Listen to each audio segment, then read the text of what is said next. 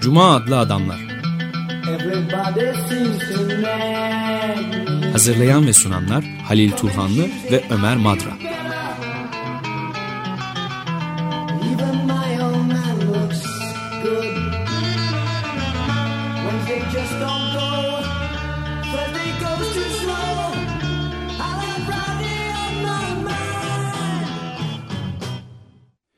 Merhaba Halil, hoş geldin. Teşekkürler, hoş bulduk. Bugünkü programda e, Çokluğun Grameri adlı bir kitap var. E, Paolo Virno'nun. Otonomist hareketin e, önemli teorisyenlerinden bir tanesi. Kendisi Otonomist Dergi Metropoli'nin yayın kurulundaydı. Bu e, kitap e, seminer notlarından oluşuyor kendisinin yaz, vermiş olduğu. Calabria Üniversitesi'nde e, iletişim etiği bölümünün başkanlığını yapmış. Şimdi Roma Üniversitesi'nde galiba yine iletişim dalında dersler veriyor. E, otono, otonomist hareketin e, kuramcısı dedik. Bu yüzden de biraz hem e, işçicilik, otonomist hareketin öncesi olan işçilikten ve otonomist hareket nedir? Biraz çok kısaca ondan e, bahsedelim. Çünkü Paolo Vino'nun bu hareketin içerisinde bulunması biraz da iki yıllık e, hapis edilmesinden neden Öyle olmuş. mi? Tabii. Ha, Hani ben bilmiyorum. Aslında Kızıl Tugaylarla ilgili olduğu söyleniyor o kuramcıların biliyorsun. Antonio Negri'nin Evet. ve diğerlerinin. Aslında bunun peşine düşenler de Hristiyan demokratlarla komünistlerin ittifak yaptığı bir dönemde. Halbuki o dar gruplarla hiçbir alakası yok. Ne Negri'nin var ne de Paolo Virno'nun ama bir iki yılına mal olmuş e, orası şeyin Komünist Partisi'nde iş, işbirliği yapmasının sonucunda. Negri de e, Evet evet. Ne, o da yatmış bildiğim kadarıyla sonra da Fra- Fransa'ya kaçıyor. Oradan çı- çıkıp az sonra az önce söylediğim gibi bir akademik kariyerini sürdürüyor. Oper, e, işçicilik ya da operi Osmo hareketi 1960'larda ve 1970'lerde doğan daha sonra da otonomculuk olarak adını ev- evrim geçiren bir hareket. E, Asıl e, te- tezleri Marx'ın e, biraz ortodoks Marx'ın sınıf analizlerini gözden geçiriyorlar. Çünkü sınıf bileşiminin değiştiğini söylüyorlar. Özellikle o hareketin içerisindeki Sergio Blogna'nın değişen sınıf bileşimi kavramı var. Çok da yeni kavramlar getiriyorlar. Mesela bu iki Paolo Vino'nun da getirdiği bir kavramlardan var. Özellikle çıkış kavramını işleyenlerden biri o. E, Bunda haklılar. Gerçekten de sınıf e, bileşimi 1960'ların e, İtalya'sında ve bütün Avrupa'da aslında savaş sonrasında yavaş yavaş değişiyor. E, böylelikle bu e, tezlerini ileri sürerken aslında Gramsci'nin mirasına karşı çıkıyorlar. Gramsci'nin mirasını da sahiplenen İtalyan Komünist Partisi'ne karşı çıkıyorlar. Onun ortodoks görüşüne, düşüncesine. Biri e, sendikaların yürüttüğü e, mücadeleye, ekonomik mücadeleye karşı çıkıyorlar. Çünkü artık 1960'larda, 1970'lerde sendikalar genellikle işçi aristokrasisinin, işçi sınıfının üst tabakasının e, temsilcisi oluyorlar. Sadece çalışma koşullarını düzeltmek için pazarlık yapıyorlar işverenlerle. Ama işçiciliğin, ya otonomcunun istediği, istedikleri daha başka bir şey. İşten işi reddetme iş red stratejisi. Bu da çok önemli kavramlarından bir tanesi.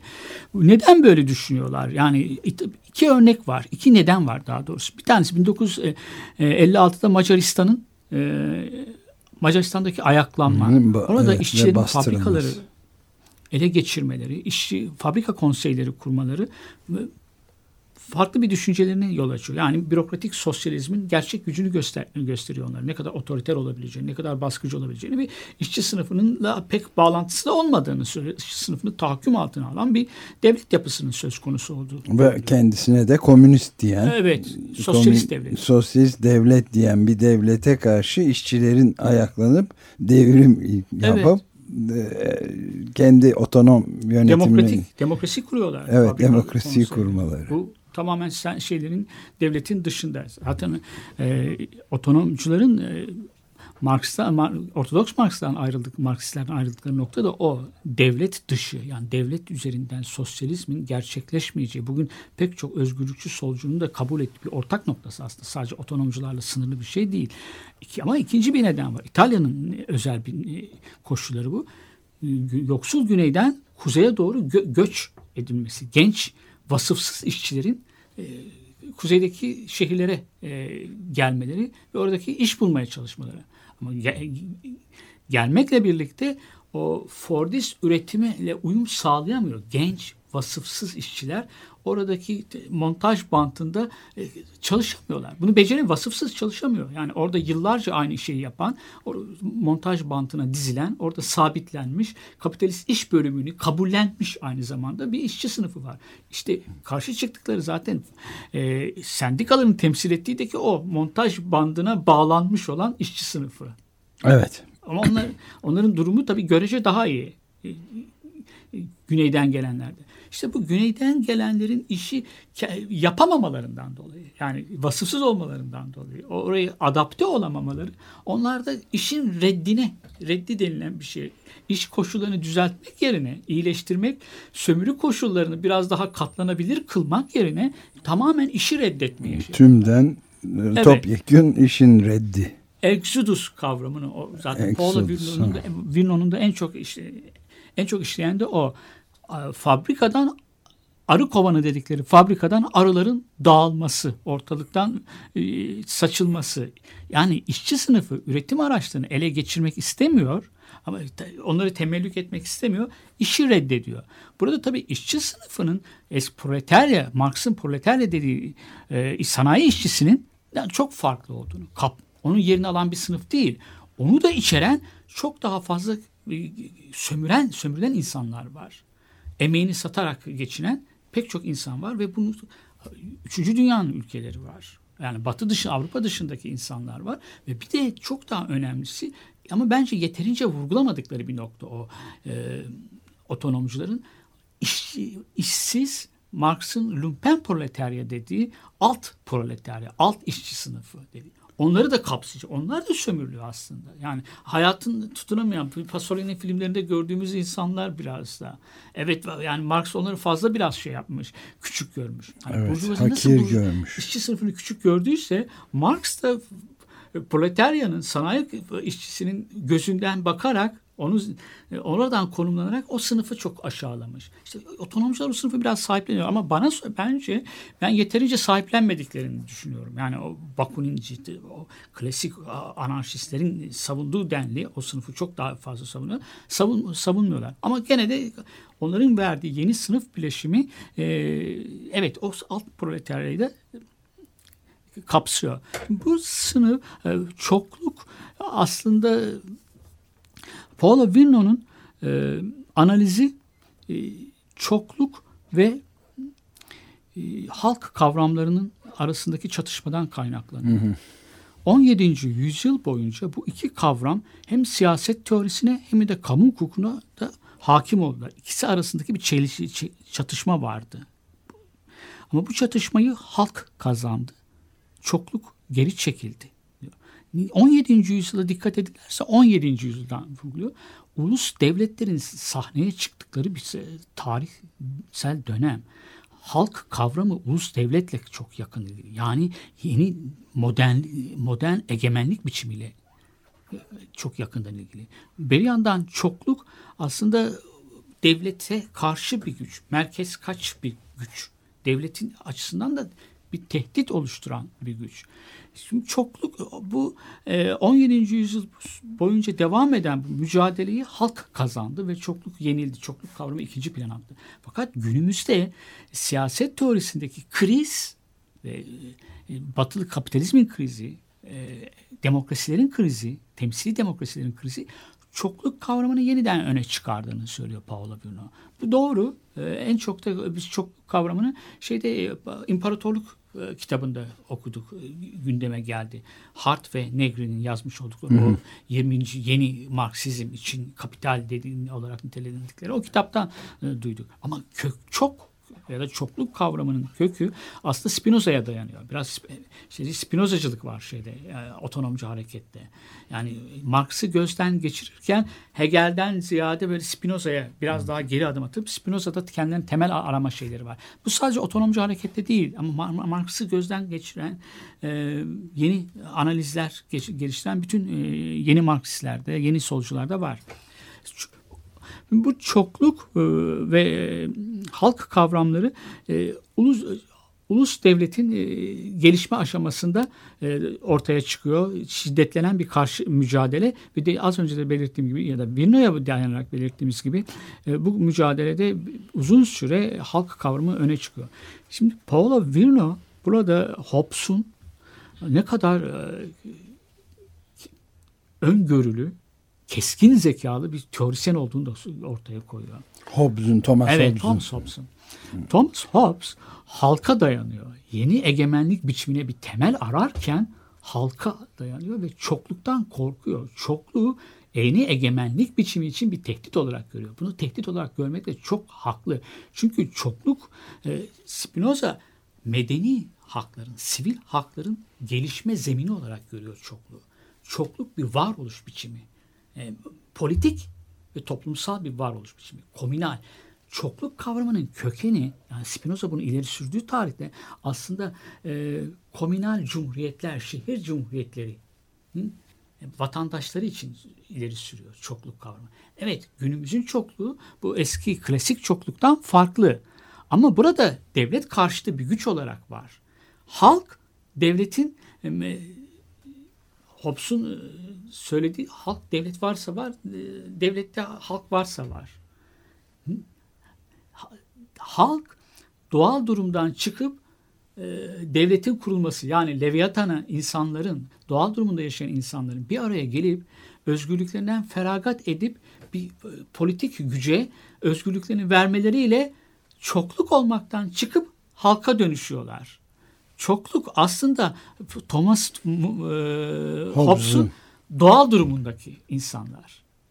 Ama çokluk da onun söylediği gibi herkes kur, birbirinin kurdu olduğu bir topluluk değil. Tam aksine hiyerarşinin olmadığı, dayanışmanın olduğu, iş bölümünün, kapitalist iş bölümünün değil de paylaşmanın söz konusu olduğu bir toplumsal ve politik bir varoluş biçimini ifade ediyor çokluk. Ama Thomas Hobbes egemenlik biçimini meşrulaştırmak için korku, şiddet, dehşet ve bir de sığınma diyalekti oluşturuyor. Dehşetle sığınma diyalekti. Bunu oluşturabilmesi için herkesi tabii insan insanın kurdu olarak görmesi gerekir.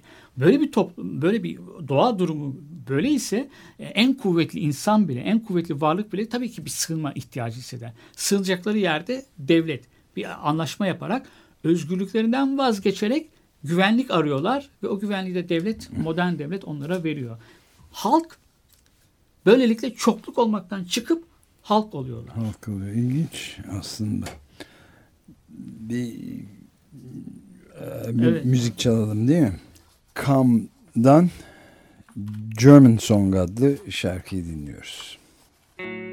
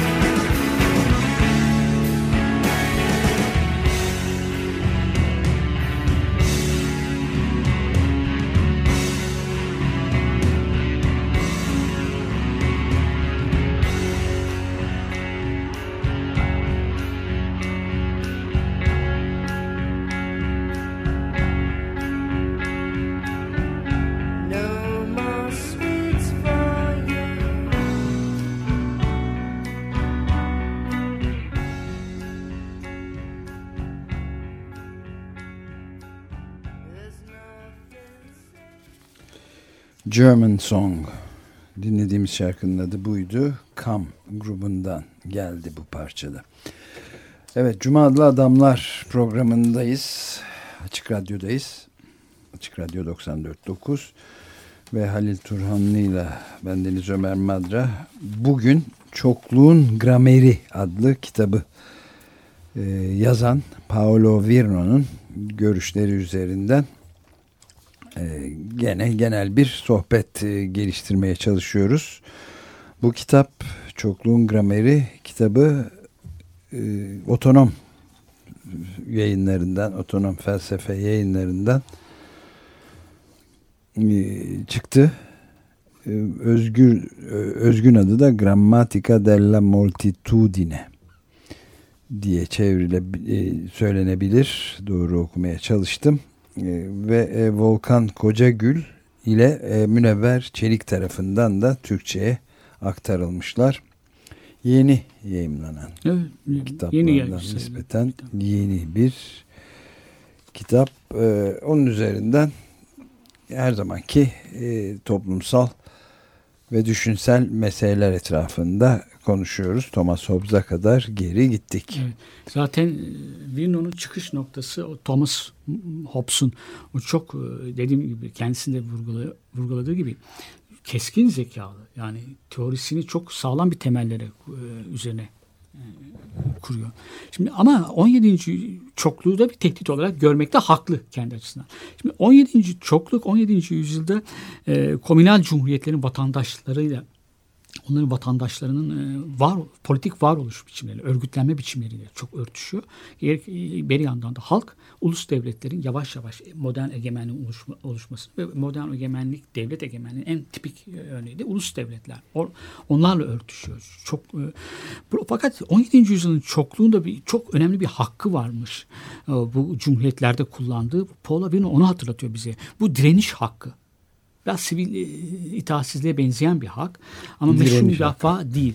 E, direniş hakkı e, yerel topluluğun ayrıcalıklarını, e, haklarını merkezi iktidara karşı, iktidar yapısına karşı savunması, yaşam biçimlerini savunması, e, kök salmış olan pratiklerini savunması, korunmaya değer gördüğü geleneklerini e, savunması. Biraz muhafazakar bir yönü de var. Muhafazakar bir şiddet. Ama burada önemli olan çokluğun e, iktidara karşı meydan okuyucu bir güç olarak ortaya çıkması.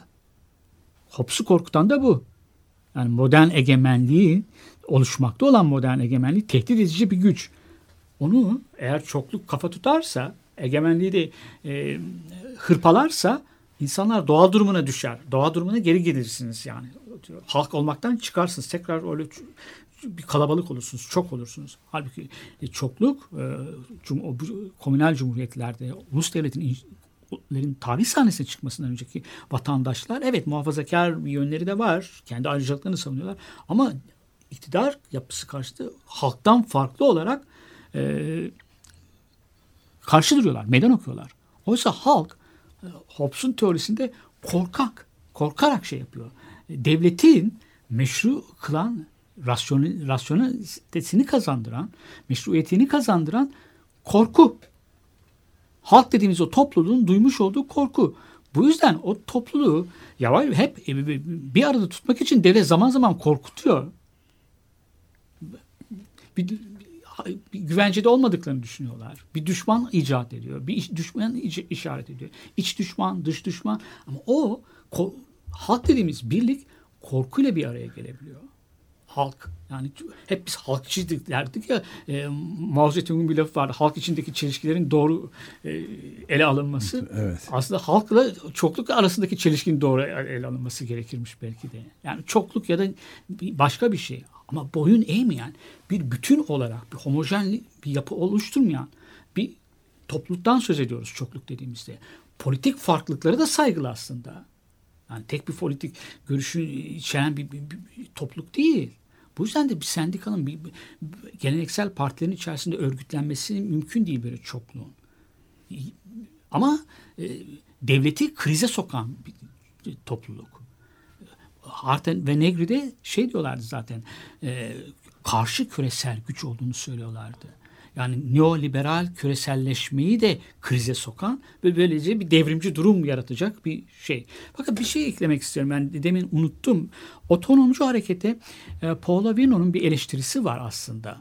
Yani 70'lerde çok etkili olmuştu. Bir taban kazanmıştı otonomcu hareket. Genç işçiler, kadınlar hepsinin yani taba çok sağlam kuramcıları var ama bir entelektüel hareket değil. Tabanı evet. da var bir hareket İtalya'da. O radyolar, özgür radyolar hep otonomcuların şey geliştirdikleri şeylerdi.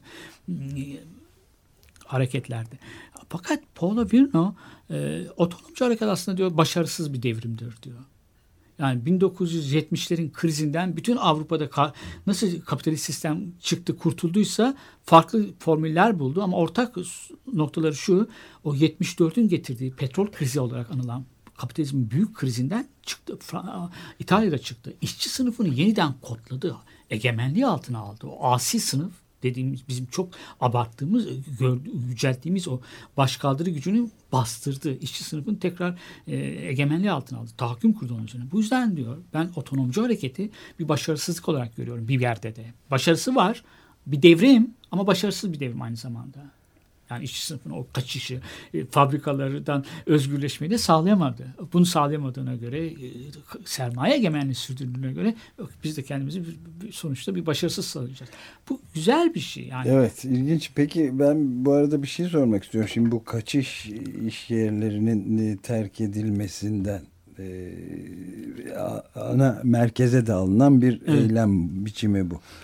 E, bunun e, hayatı sürdürebilmek, yeniden üretebilmek için e, bir çeşit başka bir örgütlenmeyi de öneriyorlar herhalde tabii, değil mi? E, örgütlen tabii iş bölümünün yerine el toplumsal el birliğini Marx'ın 1844 hı hı. el yazmalarında. Evet. Eğer o metin bazılarının çok genç Marx dedikleri tecrübesiz acemi Hegel'in çok etkisi altında gördükleri o el yazmalarında çok önemli şeyler varmış. Oradaki toplumsal el birliği kavramından e, genel zekanın ortaklaşa kullanılması, paylaşılmasından söz ediyor otonomcular ve Paolo Vino. Şimdi burada genel zekayı istersen biraz açalım. Evet, Bu e, insanın bir, bir türsel bir özelliği insan olarak e, konuşur, dili var, düşünür ve bununla da bunlara dayanarak da üretir, ent, entelektüel bir kapasitesi vardır. İşte bu kamusal ortak zeka dediğimiz kamusal alanda bunun paylaşılırsa bu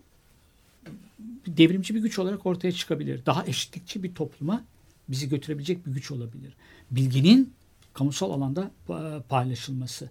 Bu Fordist e, ve aynı zamanda post-Fordist e, aşamadaki iş bölümüne ama özellikle Fordist iş bölümüne hı hı. karşı çıkıyor. Evet, evet. Yani insanı çıkış noktalarından bir tanesi de şu otonomcuların. Paul Avino onu çok güzel söylemiş. 1930'larda Fransız e, düşünür Simone Weil bir fabrikada çalışıyor. İşçilerin e, yaşam koşullarını yakından görebilmek için e, bir işçi olarak çalışıyor. Fabrikaya gidiyor. Hatta Troçki'nin e, annesi babası da sayılı entelektüellerinden e, Fransa'nın ve Troçki'yi misafir ediyorlar. Troçki'de atışması var.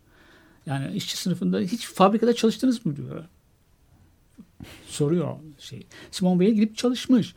O kadar kötü ki bu diyor. Yani o kadar berbat bir şey ki o montaj bandında yer almak. İnsanın emeği, emeği sömürülüyor, fiziksel olarak sömürülüyor. Zamanını veriyorsun ama ruhun da köreliyor diyor. Ruhun köreliyor. Çok önemli bir tespit tabii bu. Yani sosyalist e, devletlerdeki etik işi, çalışmayı bir yüceltmek vardır. Sosyalist etiğin şeyi bu, gereği çalışmak, üretmek. Kapital, ama sonuçta bu kapitalizme bir, bir tür yarışa yol açıyor. Ekonomik sapma dedikleri şey buydu işte şeylerin. Evet yani o adını unuttum şimdi bir işçiyi alıp yücelterek böyle muazzam herkesin üç katı çalışabilen, evet. yılmayan filan işçi. Heykelini dikmek. Evet.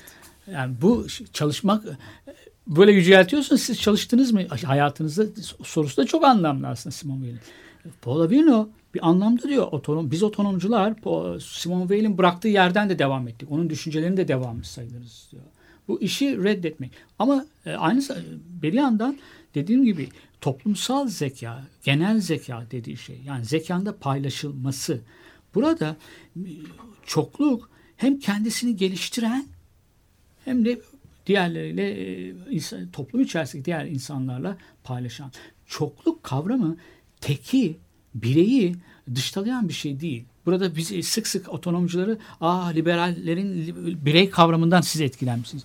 Radikal biçimde ayrılıyoruz diyor Paolo Virno e, liberallerden. Çünkü top, insanın e, birey öncesi bir gerçekliği var. Bir konuştuğu bir dil var. Ama e, bu ortak bir dil. E, yani tarihsel değil, bir toplumun dili. Ama bunun dışında da biz farklı bir dil oluşturmalıyız. Dilsel paylaşım, dil bilimsel paylaşımdan söz ediyor. Konuşmadan. Konuşmak demek aslında karşılıklı iletişim kurmak, bir düşünce de üretmek demektir. Yani bu paylaşmaktan, kamusal zekanın, genel zekanın paylaşmasından e, kastettiği de bu. E, evet, senin sorduğun soruyu şöyle özetleyeyim istersen. Cevabını yetli, bilgim el verdiğince, izin verdiğince hmm, tabii işsiz yani hiç e, üretmeyen bir toplum e, yaşayamazlar. Ama iş bölümüyle birilerinin ürettiği, birilerinin daha fazla o iş bölümünde aslında eşitlik yok iş bölümünde. Ve insanlar ne ürettiklerini bilmiyorlar. Yabancılaşma da oradan doğuyor zaten. Evet. Onu aşarak e, bir şey, e, bir toplum oluşturmak, e, farklı bir toplum oluşturmak, bu toplumda iş bölümünün yerine paylaşmayı koyarak olabilir. Ama paylaşma aynı zamanda çoklukta bir özelliği de var. Yani paylaşmak ama bütün içinde erimez. Tek birey olarak da kalıyor çoklukta.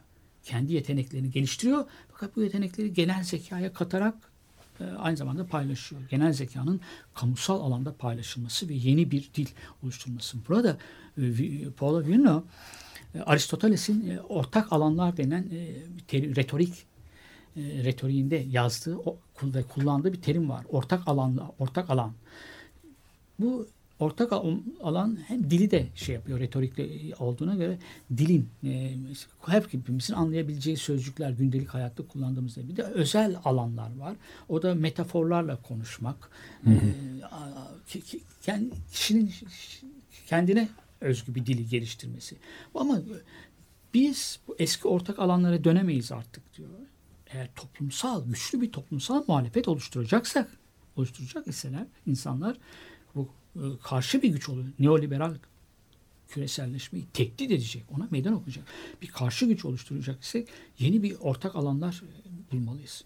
Yeni bir dil bulmalıyız. Bunun önemli özelliklerinden bir tanesi hemen verilebilecek bir şey. Örnek herhalde internet. Yeni bir ortak alan o da. Evet. Orada oluşan yeni bir dil var. İnsanların toplumsal muhalefetin örgütlendiği bir alan olabiliyor.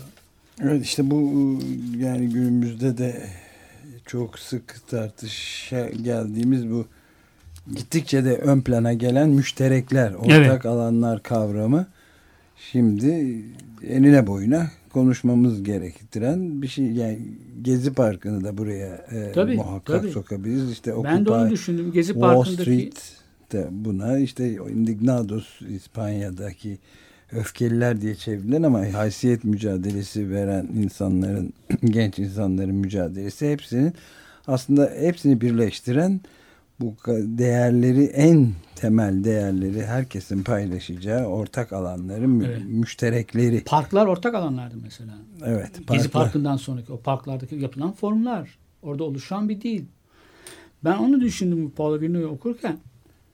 Geçtiğimiz Haziran ayında e, Gezi Parkı ve sonrasındaki o, isyan. Resmen bir isyandı o İstanbul'da Evet, ve evet. Türkiye'de. E, Halk olmaktan çıkıp çokluk olduklarını düşündüm ben. Çokluk oldular yani. Halk e, bizim şimdiye kadar çok üzerinde durduğumuz ve e, yücelttiğimiz bu halk kavramının hakikaten gözden geçirmek. Ezber bozucu bir şey söylüyor burada Paulo Virno. Mesela Hitler'i seçen Alman halkı. Nürnberg e, ya da Nazilerin o gösterilerinde şaşalı gösterilerinde Hitler'i alkışlayan halk. Bu yüzden galiba bütün diktatörler biraz şöyle ya da böyle popülist oluyor, halkçı oluyorlar, halka dayanıyorlar. Çokluk farklı bir şey. Gezi'deki o isyan eden insanlar çokluktu. Bu yüzden de devrim yapmak isteyenler şöyle ya da böyle az ya da çok biraz halkı karşılığına almaları gerekiyor galiba. Devrim, radikal insanların, devrim yapmak isteyenlerin, toplumda radikal değişiklik yapmak isteyenlerin e, biraz halk düşmanı olmaları gerekiyor. Belki. İlginç. Evet yani mesela şimdi e, bu sık sık e, bazı arkadaşlarla da tartışma fırsatı bulduğumuz başka örneklerden biri de bu mesela e, Kanada'da diyelim yani geleneksel liberal demokrasilerin en uç ve önemli örneklerini teşkil eden Kanada ya da Avustralya gibi ülkelerde de bütün e, başta çevre olmak üzere gezegenin toprak, hava ve su olmak üzere tümünü mahveden bu e, yeni enerji, fosil yakıt e, işte ah, bir anlamda hafriyat ekonomisi adını vereceğimiz durmadan kazıp daha çok almak, daha çok almak ve kara dönüştürmek şeklinde ifade edilebilecek olan bir politikalar var. Bir avuç e, şirketi çok zengin insanı daha da zenginleştirecek. Bunun dışında da hiçbir şeyin e, doğru dürüst paylaşılmadığı gibi e, içinde yaşanacak doğayı da ortadan kaldıran bir durum. Bunu ama seçilmiş liderler yapıyorlar. Hı. Yani mesela Stephen Harper hükümeti işte bu bir halk yani sonunda da önceleri azınlık koalisyonlarıyla gitti Harper sonunda da kendisi şimdi bayağı iktidarda ve bütün dünyanın da sonunu hepimizin sonunu getirebilecek kadar korkmuşluktaki işte bir karbon bombasının fünyesi diye adlandırılan petrol boru hattını filan e, işte bu Tarsens denilen şeyde yapacak e, getirecek eylemlere imza atıyor. E, şey de öyle şimdi Avustralya'daki yeni hükümet e, Abbott hükümeti de aynı şekilde ve seçiliyorlar bu insanlar ve göz göre göre mesela karbon vergisi e, yap, koymuştu. Bu ileri bir adım olarak yetersiz de olsa övülüyordu Avustralya'nın. O gelir gelmez onu da kaldıracağını açıkladı ve dünyanın zaten en kurak kıtası olan Avustralya'yı da şimdi bütün şey hale getiriyor e, daha da korkunç bir hale getiriyor ama bunu da halk seçti bu adamı yani. İşte Tabii. halk e, bütünleşmiş bir şey. Ortak halkın ortak iradesi aslında sağduyu da e, olarak da anılıyor. Çokluğun müdahaleleri çok farklı. Şimdi devlet sorun burada aslında temsili demokrasi. Ona karşı çıkmak biraz. Hı hı. Çokluğun temsili olmayan demokrasi. Ama sonuçta yine demokrasi temsili olmayan bir demokrasi, hükümet dışı çoğul deneyimlere açık bir e, demokrasi. E, devletin, Max Weber devletin şiddet kullanma tekeline sahip olduğunu söyler. Devlet, devleti adına, devleti adına toplumu yönetenler aynı zamanda politik karar alma tekelinde sahipler. Şimdi onu değiştirmek lazım. Yani oy verdikten sonra seçiyorsun onları. Onlara hop, Hobbes'un da feragat ettiğin bir hakkın var. Karar alma hakkını feragatdan feragat etmiş oluyorsun. Evet. Halk olarak seçtiğin anda oy atıyorsun, bitiyorsun, geri çekiliyorsun. Evet çok önemli bir nokta. İstersen bir ara daha evet. verelim. Ondan sonra da bunu, bunu biraz daha sürdürme imkanımız olacak. Ee, şimdi The Walkabout'tan Cello Song adlı şarkıyı dinleyeceğiz.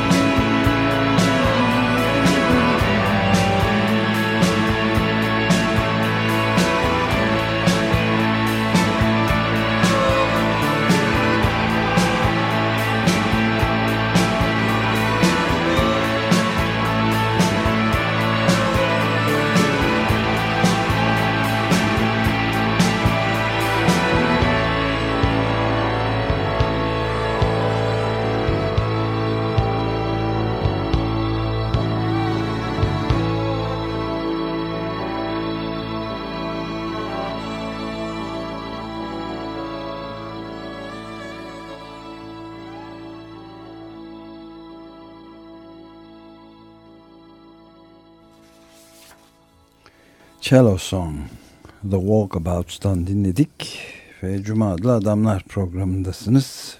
Açık Radyo burası 94.9 ve Paolo Virno Çokluğun Grameri kitabı üzerinden çıkarak çokluk kavramını, direniş hakkını, yerel toplulukların merkezi iktidara karşı meydan okumalarını demokrasiyi temsili olmayan demokrasinin gerçek olup olmayacağı gibi konuları konuşuyoruz. Yola çıktığımız kitap da elimizdeki aynı adı taşıyor. Çokluğun grameri çağdaş yaşam biçimlerine dair bir çözümleme için.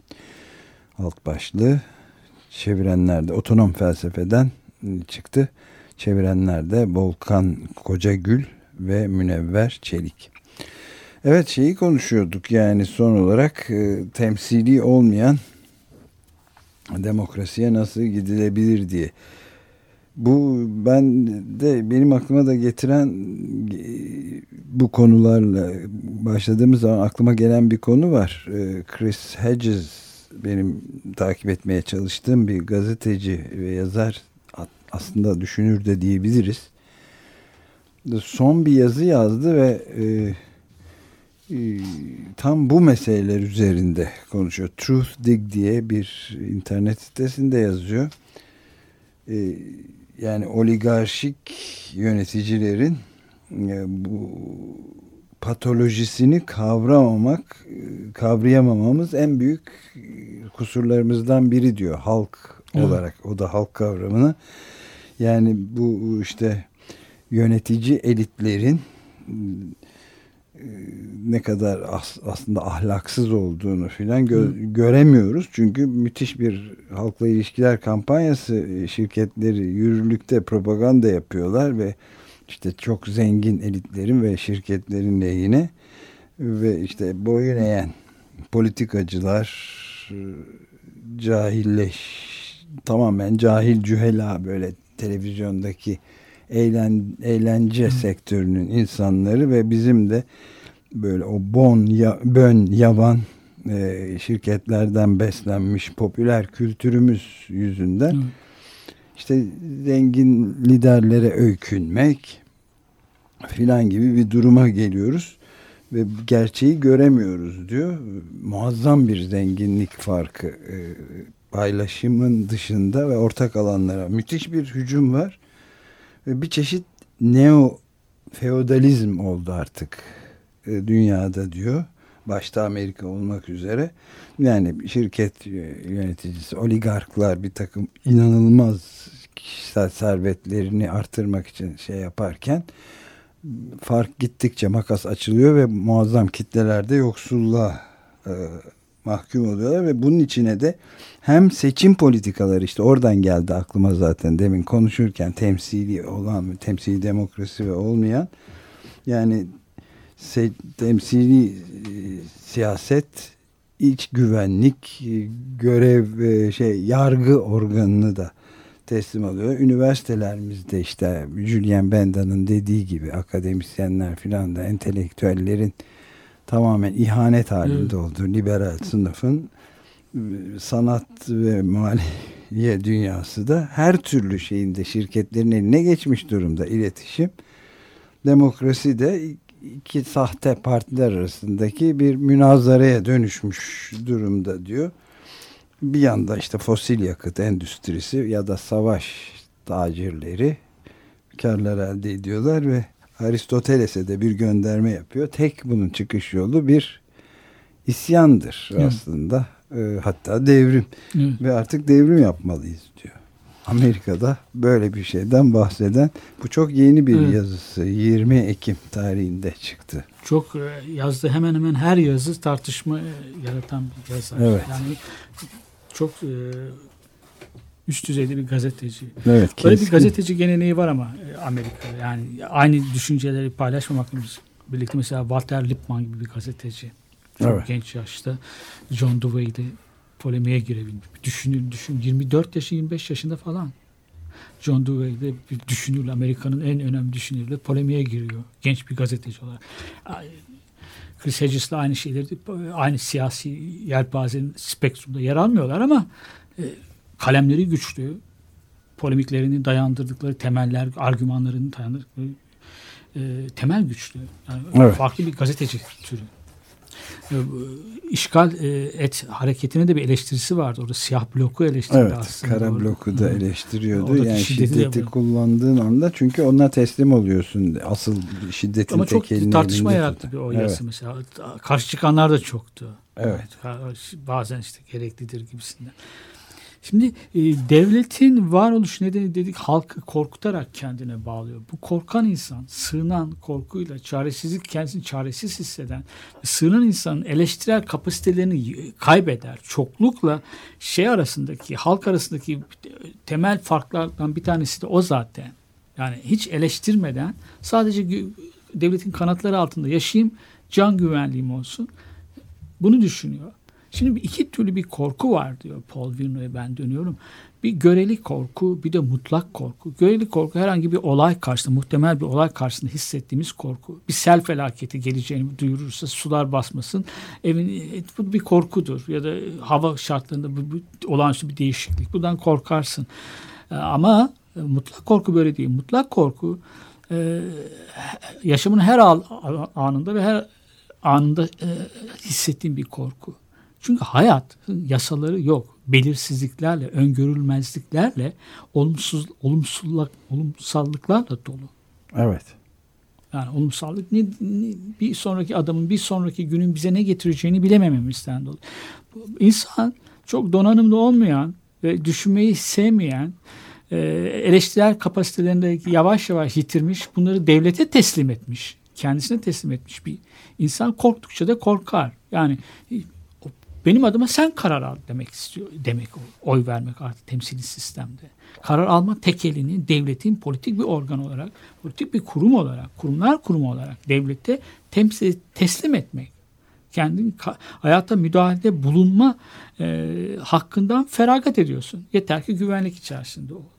Evini hırsız basmasın bilmem ne. Seni dış Evet. düşmanlardan korusun. Hem bütün de- de- güvenlik alt içinde ol ama özgürlüklerinden feragat et. Şimdi bu korku genel ve e, da mutlak ve göreli korkuyu yola çıkarak e, Paolo Virno e, bir Heidegger'e başvuruyor.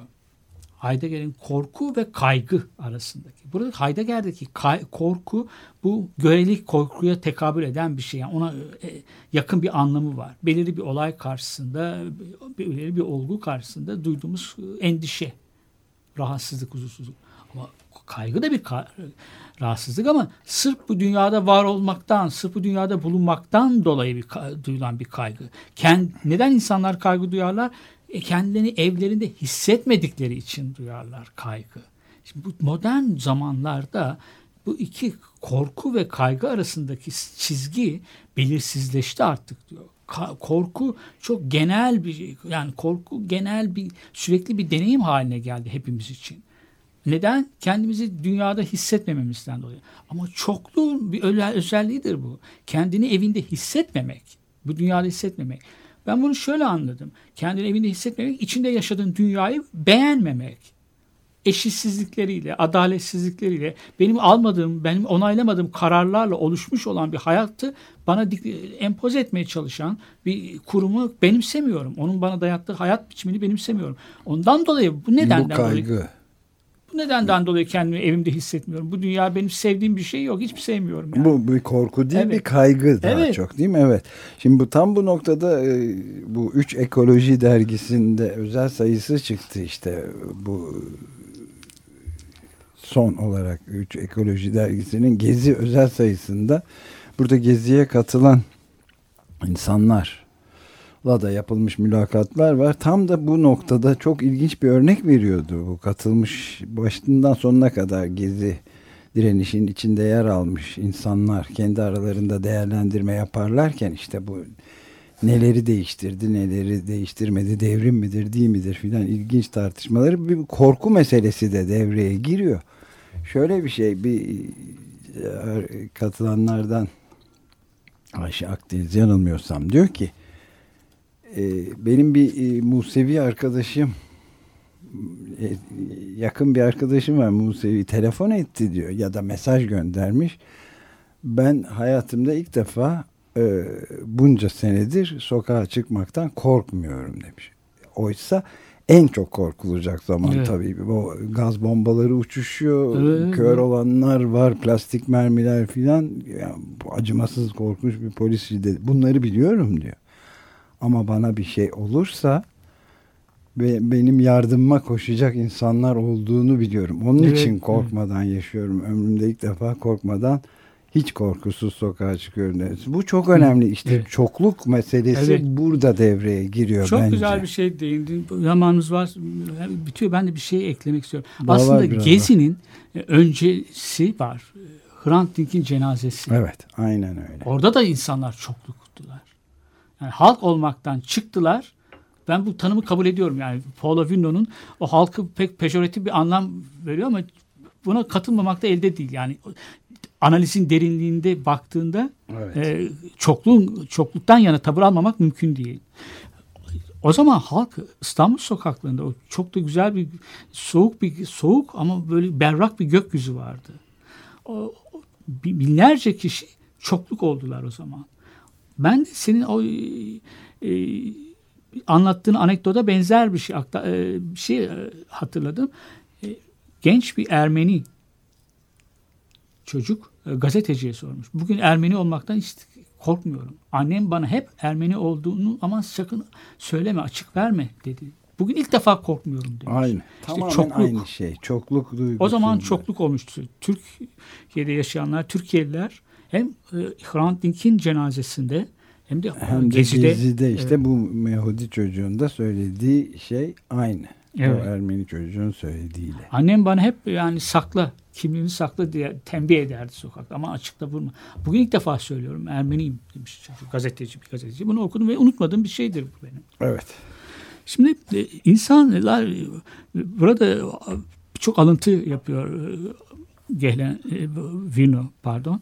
E, O seminer verdiği seminerlerde e, Alman antropolog Arnold Gehlen'e den bir şey söylemiş. İnsan hayvan sabit bir çevreye ihtiyaç duyar. Sabit bir çevreye ait olma. Bir evi olsun ister. Yani sabit bir çevresi varsa, bir evi varsa nereye gideceğini bilir. Bir yön duygusuna sahip olur. Bu yön duygusuna sahip olmamaktan korkar. Aslında çok korkulacak bir şey değildir. Yani yolunu kaybetme, kaybedersin gene de bulursun. Yol kaybetmek o kadar çok korkunç bir şey değil. Ama çoklukta böyle bir korku yok artık. Korku duvarını aşmış diyelim istersen. Yani kendi evinde hissetmiyor. Yön duygusunu da bir şekilde bulacak. Yanılarak bulacak. Her devrimde, her teşebbüste, her atılım, her devrimci atılım, her isyanda mutlaka Baş- başarı. sonunda başarı nedir yani? Paris Komünü de başarılı değildir bu anlamda. Evet, tabii. Ama çok önemli bir şey. 68 de harekette Evet. bu anlamda başarılı olmamıştır. Yani. Belki Gezi de başarılı değil. Evet o an. Ama ama, asıl Korkut bir şey duvarı bir şeyleri yıktılar. bir insanlar. daha asla olmayan bir Evet. de büyük bir değer değişiminden e, bahsetmek kesinlikle mümkün tabii yani. Yani o insandaki sığınma arayışı, ha- halkı, devletin kanatları altında yaşamak ihtiyacı. O, o korkuyu, o şeyi, sığınma arayışını, o sığınma ihtiyacını hissetmedikleri an insanların. Aynen öyle. Yani e, Alain Badiou'nun e, şeyini izledin mi? E, İzleyemedim. Ya bizim radyoda yayınlandı. Bir parça parça bir- basında izlemeye Evet, çalıştım. bir de radyoda da açık dergide ve internet sitesinde de var. Söyleyebiliriz. O da çok benzer bir şey söylüyor. Diyor ki Gezi ile birlikte Fransa'ya da e, örnek oldunuz ve bütün dünyada da şimdi artık yeni bir e, dördüncü bir siyaset Evet. yolu bulmalısınız e, demiş mesela oradakilere ve ben e, sizi sizin için gelmedim buraya. Sizlerle birlikte olmaya geldim diye o çokluğa işaret Evet. ediyor o da Alain Badiou. Evet, çok güzel. 21. Size- yüzyıl e, komünizmini ku- Evet. kuracağız diyor. Siz, Evet. Kuracaksınız siz diyor yani. Yeni bir komünizm yani. İlginç aslında. Evet. Evet. Şimdi burada Sen bir parça bitiyor mu? Bitiyor. Bir iki dakikamız tamam. Peki kaldı. o zaman bir şey daha söyleyelim.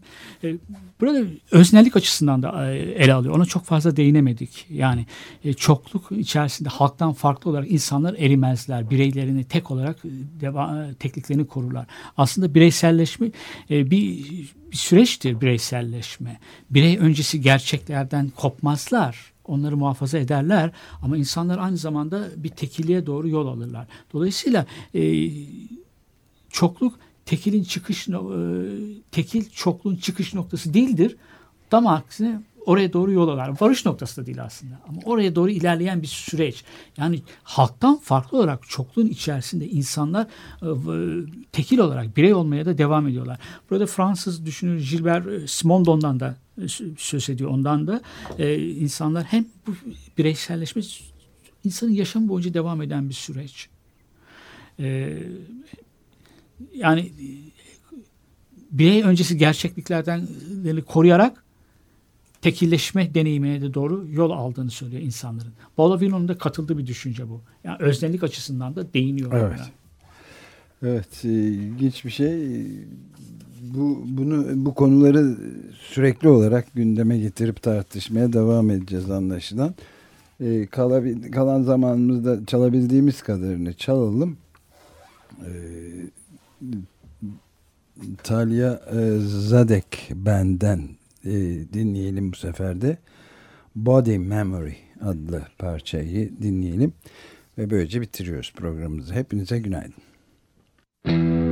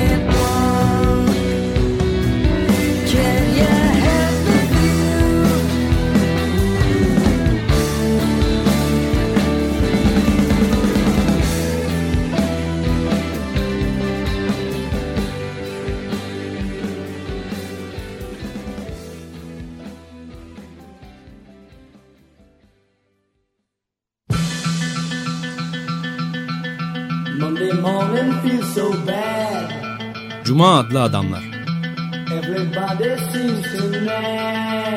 Hazırlayan ve sunanlar Halil Turhanlı ve Ömer Madra.